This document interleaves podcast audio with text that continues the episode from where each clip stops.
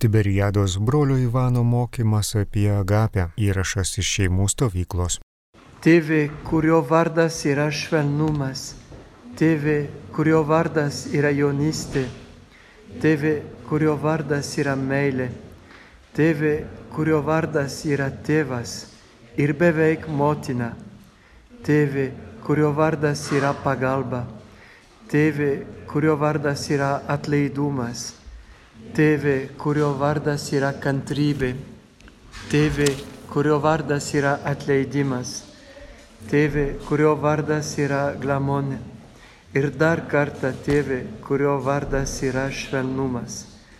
Tėve, kuris vadinasi be galo geras, o Tėve, tiems, kurie žinodami, kad esi visiškai kitoks, nenori, kad tavo tėvystė būtų jie su mūsiška tėvystė ir iš tavęs padaro tokį, kokie būti nenorėtų patys, panašu į beisų teisėją ar faraoną, žmonių žodžiais, kurie vieninteliai turi Dievo skonį.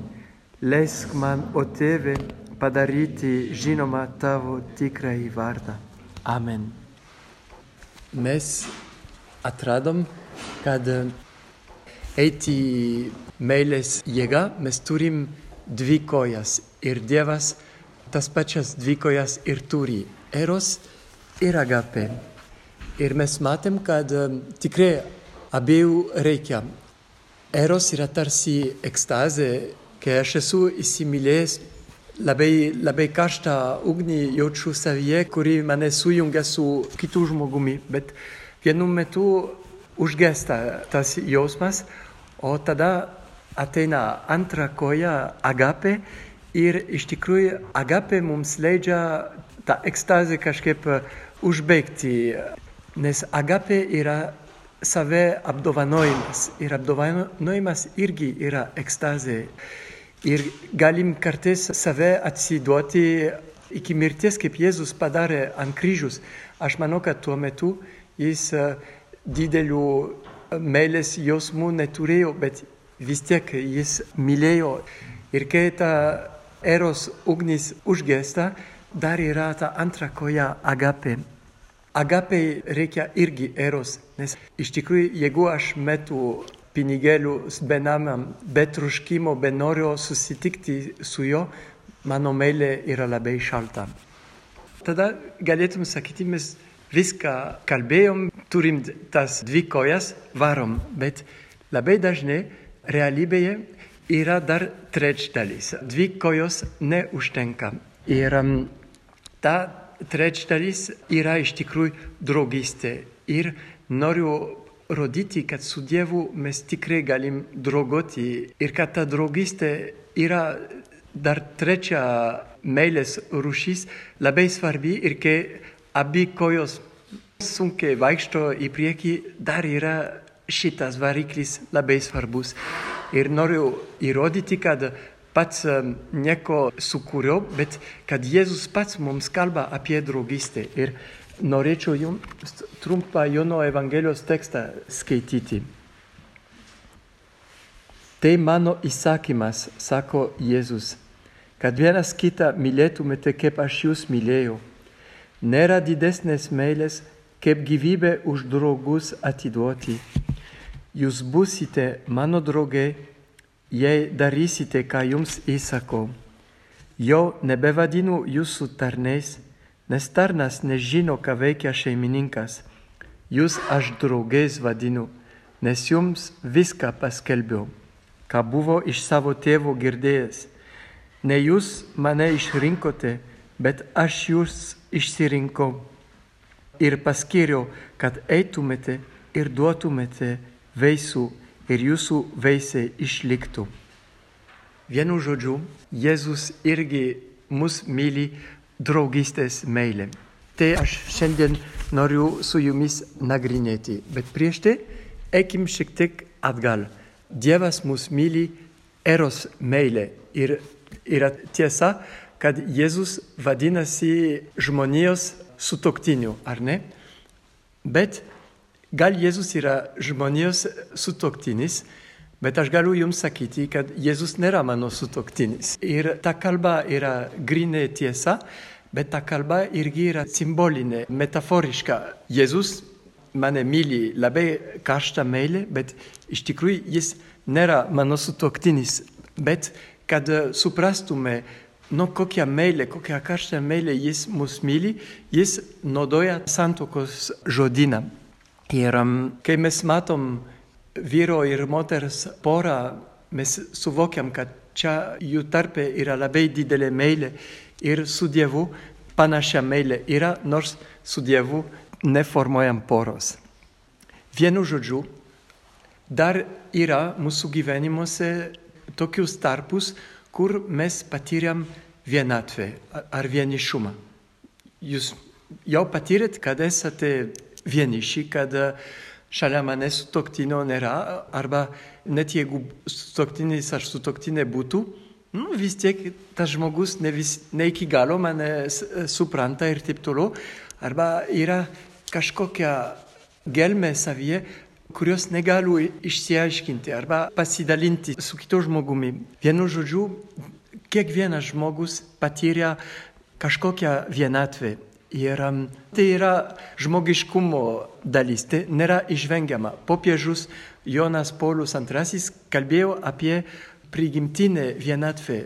Žmogus iš prigimties yra vienas, nors jis bendroja su kitus, bet yra tam tikra erdvė, kur aš nesu iki galo pasiekiamas. Ir kodėl aš esu vienam šiame pasaulyje, už tai, kad aš esu unikalus. Ir tas unikalumas tik taip priklauso man ir iki galo aš negalėsiu jo pasidalinti su kitu žmogumi. Ir um, meilė ne iki galo mus pripildo. Yra ta vienišumo, ta vienatvės erdvė, bet po truputį su Dievu mes galim irgi kažkaip apsigyventi toj vienatvėje ir ta vienatvė irgi mus daro žmonėmis iš tikrųjų. Nes kai tu esi su savimi, tik tai su savimi, ir kad Dievo nejauti arba kad šalia tavęs nieko nėra, pradedi susimastyti ir daug svarbių minčių išryškėja tavyje tuo metu, ta vienatvė irgi yra labai svarbi. Tai su Dievu gal jūs jau šiaip patyrėte, bet Dievas yra tuo pačiu metu artimasis, bet irgi tolimas, kitoks. Negalim pagauti Dievo, jo nematom, niekas nematė ir yra tas paradoksas Dieve. Ir aš galiu jums sakyti, kad jeigu Dievas būtų tik tai jūsų sutoktinis, bet kad jūs jo nematot, su juo yra sunku bendroti, susikalbėti ir taip toliau, ta būklė būtų nepakenčiama. O tada kaip mes darom, kai mes jaučiam trūkumą, kad neišprotėtum nuo to trūkumo. Aš manau, mes galim būti abejingi. Ai, aš vienišas dabar, matas pats, aš susitvarkysiu su kompiuteriu, su telefonu arba nežinau. Pirma hipotezė. Antra hipotezė yra, kad gal yra trečia meilė, kuri daro tą vienišumą, tą vienatvę pakenčiamą ta trečia meilė būtent yra draugystė. Ir aš manau, kad jeigu turim irgi draugystę santyki su Dievu ir su žmonėmis, tada vienatvė mumise tampa pakenčiama. Nes būtent draugystė yra ta labai stipri meilė, labai artima meilė, bet ta meilė tuo pačiu metu integruoja vienatvę tarsi kažką pozityvaus, teigiamo. Ir aš galiu jums sakyti, kad draugystė su Dievu nėra metaforiška kalba. Mes tikrai esam, ar galim būti Dievo draugė, jis iš tikrųjų draugoja su mumis. Tada greitai žiūrėkime, kas yra draugystė. Apie ką mes kalbam, kai kalbam apie draugystę.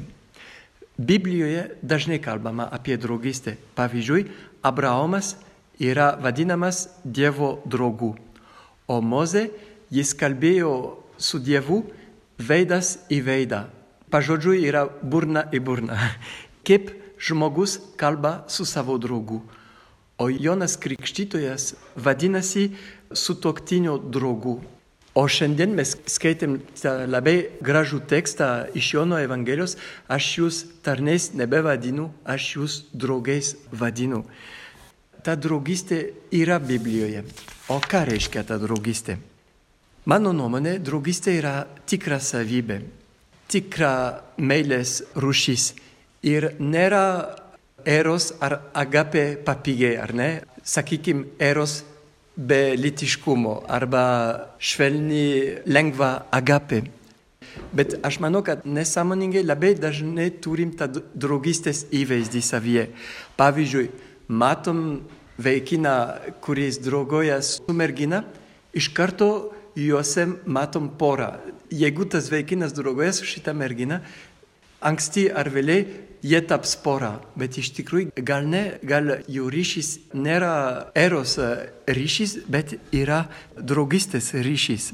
Bet mūsų kultūroje yra labai sunku atskirti draugystę nuo eros meilė. Bet aš manau, jeigu mes tai mokam, labai praturtina vidinę pasaulį. Mūsų kultūroje kažkaip pora yra meilės santrauka. Ir už poros nebėra tikros meilės, bet tai nėra tiesa. Aš manau, kad visi įsimylėję žmonės turėtų irgi tuo pačiu metu draugoti vienas su kitu ir e, patirti tarpusavį tas tris meilės - agape, eros ir draugystė. O dabar palyginkime draugystę su eros meilė ir su agape meilė. Bendrai su agape meilė draugystė nesiekia lyties santykio. Jeigu atsiranda kažkoks potraukis, lytinis potraukis draugystė, reiškia, kad irgi eros pradeda pasirodyti. Bet iš prigimties draugystė nėra meilės, kuri siekia lytiškumo. Čia yra panašumas tarp draugystės ir agapėms. O dabar palyginkime draugystę su eros. Eros yra aistra karšta, o draugystė yra rami, atsiskleidžia taikoje, ramybėje, ramume. Kai aš myliu, kai aš esu įsimylėjęs, mane yra įtampa, bet kai aš esu su draugais ir ta draugystė yra brandi, aš jaučiu ramumą. Jausmai yra kitokie. O eros meilė yra kaip um, ekskluzyvi meilė. Aš galiu tik tai įsimylėti vieną žmogų ir jeigu aš, aš formuoju porą su vienu žmogumi, kitiems e, ta pora yra draudžiama, o ta meilė yra kaip taip ekskluzyvi. Yra, bet um, draugystė nėra taip. Žinoma, gal tu turi savo gerosą draugę, savo gerosą draugą, bet tu žinai, kad iš prigimties draugystė yra svetinga. Kai esate dviese su, su draugu, jūs galite dar trečią draugą priimti ir ta nemažėja ta draugystė. Bet kai tu esi su mylimu žmogumi, jeigu ateina trečias žmogus, nu, ateik vėliau.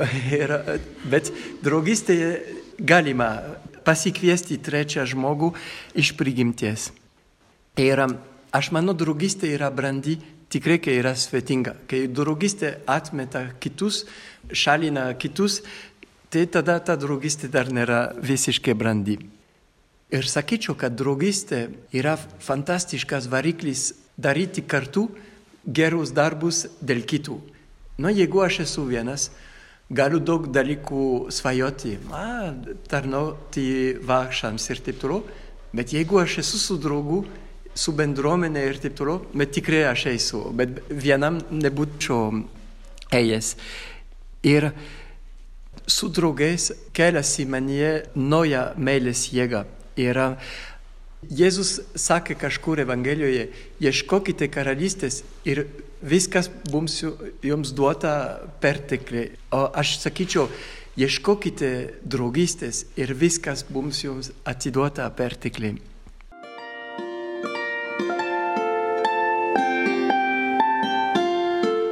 Jūs girdite Marijos radiją.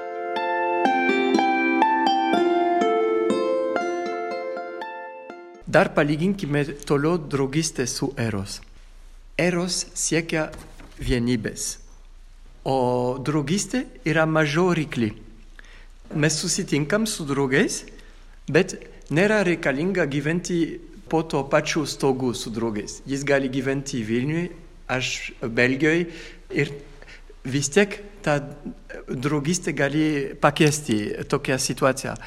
Arba su sutoktiniu, nu gerai turėti gal tą pačią piniginę, bet su draugais visiškai nereikalinga. Kam tu turėtų tą pačią piniginę su savo draugais, nu tai yra akivaizdu, kad kiekvienas turi savo reikalus ir viskas, bet nedaro draugystės silpnesnė, bet draugystė yra kitokia meilė. Su draugu niekada neformuojam poros. Draugystėje kūno svarbia yra mažesnė negu su eros meilė. Kai tu myli kažkas eros meilė, yra svarbu tą žmogų apkabinti, prisiglosti prie to žmogaus ir taip toliau. Bet draugystė skleidžiasi su šiek tiek daugiau atstumo. Savo draugą tu žiūri veidas, veidas į veidą. Su draugu kalbėsi, o su toktini tu apkabini. Ir um, draugystė prisiema ramiai ir gražiai atstumą. Bet aš sakyčiau dar, kad draugystėje yra kažkoks um, išskirtinis artumas. Gal jūs jau patyrėte, kad priešais draugą tu gali būti silpnas. Kartais prieš kitus žmonės tu negali būti, bet kai tu esi su draugu, tu gali ah, visą naštą atidėti ir jis tave klauso. Gal jis neturi atsakymų, bet jis tave klauso ir jis tavęs nesmerkia. Bet kas yra nuostabu, kad su draugu tu žinai, kad tu gali išsikalbėti, bet kad tu neturi išsikalbėti. Jeigu neišsikalbėsi, irgi tas draugas tavęs nesmerks. Bet aš manau su savo žmona yra svarbu visiškai išsikalbėti. Jeigu tu turi labai svarbu paslapti, kurios žmona nežino, gali kelti įtampą, bet su draugu nereikia, bet galima, jeigu norisi, galima pasidalinti paslaptimis. Draugystė gali pakeisti paslapti ir gerbė tylą irgi. Ir kartais su draugu mes galim pasilikti tyloje kartu ir nėra jokios gėdos. Draugystė yra rami net ir tyloje. Taip pat dėl eros meilės. Jeigu jūs esate įsimylėjęs, vienu metu būtinai reikia išsisakyti, aš tave myliu. Bet draugystėje nebūtinai. Tas žmogus yra mano draugas, aš žinau, kad jis yra ir kad aš esu jo draugas. Ir mes šiaip ramiai gyvenam ir nereikia išsisakyti, bet jeigu tu nesakysi mylimai draugai, aš tave myliu, nu jūs niekada neformuosite poros, tai reikia išdrysti vienu metu tą žingsnį, bet draugystėje nereikia. Tais atžvilgiais mes matom, kad draugystė ir eros meilė yra dvi skirtingos meilės. Ir Visa tai rodo, kad draugystė yra tarsi laimingos vienatvės mokykla. Tu gali gyventi toli nuo draugų, bet vis tiek jaustis mylimas. Ir tai yra nuostabu, nes ne visada tenka turėti mylimą žmogų šalia, bet dar tas ryšys išlieka, ištveria ir taip toliau. Mes meldėmės už brolį Benoit Josef ir dabar jis neteko tečio. Nu, aš galvoju, nors yra stovykla, man reikia trumpą laišką, ne, dar nežinojau, kad tėtis uh, iškeliavo, man reikia jam rašyti trumpą laišką ir uh, sakyti, mes esam su tavim, nors mes toli. Ir tas laiškas, kad niekas, bet geriau už nieką vis tiek. Ir uh, jis iš karto atrašė ir sakė, broli, tavo laiškas yra labai svarbus, nes jame aš jaučiu draugystę. Ir, bet suprantama, kad jis yra Kanadoje, šiuo metu aš Lietuvoje, bet kad tas, ta draugystė tikrai peržengia atstumą. Prancūziškai turim posakį toli nuo akių, toli nuo širdies. Ar sakot lietuviškai? Nesakot. Bet suprantate. Bet čia yra grina tiesa eros meiliai, bet ne draugystė. Tu gali turėti draugą toli nuo akių dešimt metų, po to susitinki su juo ir ta draugystė išliko šviežia, jauna. Kai tu tai patyri, tai yra fantastiška. O dar yra paskutinis, gal yra daug, bet paskutinį brožą, kurį aš galėjau pažymėti, draugystės brožą, tai yra, kad draugystė visada yra abipusiškas. Jeigu nėra abipusiškumo, tai nėra draugystės. O eros gali būti tik viena kryptimi. Nu, pavyzdžiui, aš myliu, o jie manęs nemyli. Būna. Arba aš myliu tokį priešą, o tas priešas tikrai bjauriai su manimi elgesi, bet vis tiek aš esu atleidus ir, ir taip toliau. Irgi agape gali turėti tik tai vieną, vieną kryptį. Bet kad būtų draugystė, reikia abipusiškumo. Ir tas abipusiškumas yra labai ypatingas, nes draugystėje yra lygybė tarp draugų. Nors aš būčiau draugas su, su Belgijos karalium, jeigu mes esam draugai, kai mes draugystės atvilgiu, mes esam lygus, visiškai lygus. Nors jis yra karalius ir aš esu žemas uh, vienolis, ar ne? Ir mes galim draugoti su, su žmonėmis iš skirtingų socialinių klasių ir taip toliau. Draugystės atžvilgių yra ta lygybė, tas abipusiškumas yra pilnas. Ir dėl to aš manau, kad Jėzus gali sakyti, jūs esate mano draugai, jeigu darot, ką aš jums liepiu ar Dievas, ar Jėzus daro šantažą, ar jis sąlygoja savo meilę. Ne, jis čia būtent kalba apie draugystę. Ir, bet jeigu jūs norite būti mano draugais, nu tas abipusiškumas yra reikalingas. Jūs turite siekti to paties idealo kaip, kaip aš. Čia mes galėjom atskirti draugystę nuo eros meilė, nuo agapės meilė. Ir dabar matysim, kad yra daug pasiekmių mūsų dvasiniams gyvenimams. Tai meilė yra daugiau už jausmą, meilė yra dorybė, meilė yra gyvenimo stilius, draugystė yra ištikima, dėmesinga, diskretiška, neinteresuota. Draugystė gali pakeisti ilgų nebuvimų. Ir, bet kai mes matomės po dešimties metų tai ta draugystė išlieka. O dabar kaip bus su Dievu? Aš manau, kad kai Dievo buvimo nejaučiam, arba kai ne, nėra mumise noro daryti žygdarbius dėl Dievo, dar gal išlieka ta draugystė. Jeigu draugystė reiškia abipusiškumą, tai reiškia, kad su Dievu, su Jėzumi mes esam lygus partneris. Dievas nėra labai aukštai ir mes labai žemai, kai Dievas draugoja su mumis, mes esam lygus su, su juo.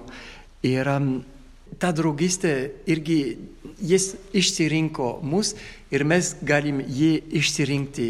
Tai yra, yra nuostabu suvokti, kad su Dievu mes galim tokią atsakingą santykį turėti. O taip pat draugystė leidžia atstumui, leidžia savarankiškumui. Sakiau su draugais, nereikia turėti tą pačią piniginę, nereikia gyventi po tų pačių stogų.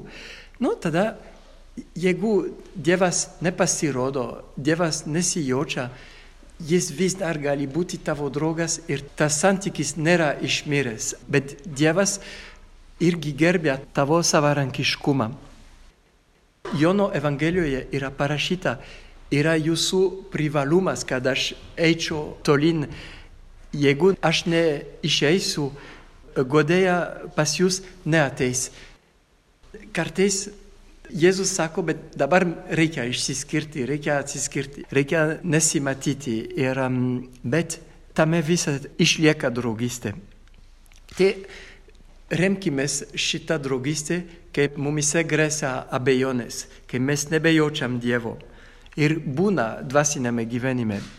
Mes jį mylim, mes jo tikim ir mes pasilgstam jo. Ir kai mes Dievo pasilgstam, labai greitai galvojam, a Dievas mane apleido, ah, Dievas manęs nebemyli. Bet gal jis vis dar tave myli, bet jis tave myli kaip draugas ir kartais tas draugas turi irgi savo reikalus, jis yra kitur, bet jis vis tiek ištikimai išlieka tavo draugas. Bet kai Dievas ateis susitikti su tavim, staiga tu prisiminsi, suvoksi, kad ta draugystė išliko tą patį. Ir tai yra nuostabu. Tai jeigu jūs pasilgstate Dievo dabar, prisiminkite, kad Dievas yra jūsų draugas, gal jis yra kažkur išvykęs, bet jis jūsų neužmiršo. Ir prisiminkite, kaip jums buvo kažkada praeitie seniais laikais gera būti su Dievu ir tas susitikimas tikrai pasikartos. Dievas vėl ateis jūsų aplankyti. Ir kai Dievas yra mūsų draugas, tada ta laukimas įgyja naują atspalvį. Nėra tik tai eros liūdėsis, ai, mylimojo nėra, bet yra draugo viltis. O dabar šį savaitgalį kalbėjom apie eros, apie agapę ir apie filiją. Nėra jų tarpe hierarchijos. Agapė nėra aukščiau už eros, už filiją, už draugystę, bet tos trys meilės tikrai yra reikalingi. Ir mumise aš manau, kad mes galim mylėti artimuosius tomis trimis meilėmis. Bet kartais į priekį eina draugystė, kitais kartais eros eina į priekį, o trečia, o dar kartais agapė eina į priekį. Bet aš manau, kad visada, kai mes mylim, mes skirtingom meilėm tuo pačiu metu mylim. Ir Dievas irgi tuo pačiu būdu tomis trimis meilėmis mus myli. Ir po to ta Dievo meilė, eros, agapė ir draugystė turės dar daug būdų išsireikšti. Nežinau, ar jūs skaitėte šitą knygą Penkios meilės kalbos. Skaitėte. Knygos autorius yra Amerikonas pastorius. Ir jis irgi rašė uh, knygą Dievo penkios meilės kalbos. Ir iš tikrųjų su Dievu yra įmanoma susikalbėti šiomis kalbomis ir tikrai Dievas jas moka ir jomis kalba. Ir tose kalbose išsireiškia arba draugystė, arba eros meilė, arba agape meilė. Bet čia bus jūs uždavinys susimastyti, kaip Dievas man šiom penkom kalbom kalba. ir yra grinė tiesa. Amen. Girdėjote Tiberiados brolio Ivano mokymą apie agapę. Įrašas iš šeimų stovyklos.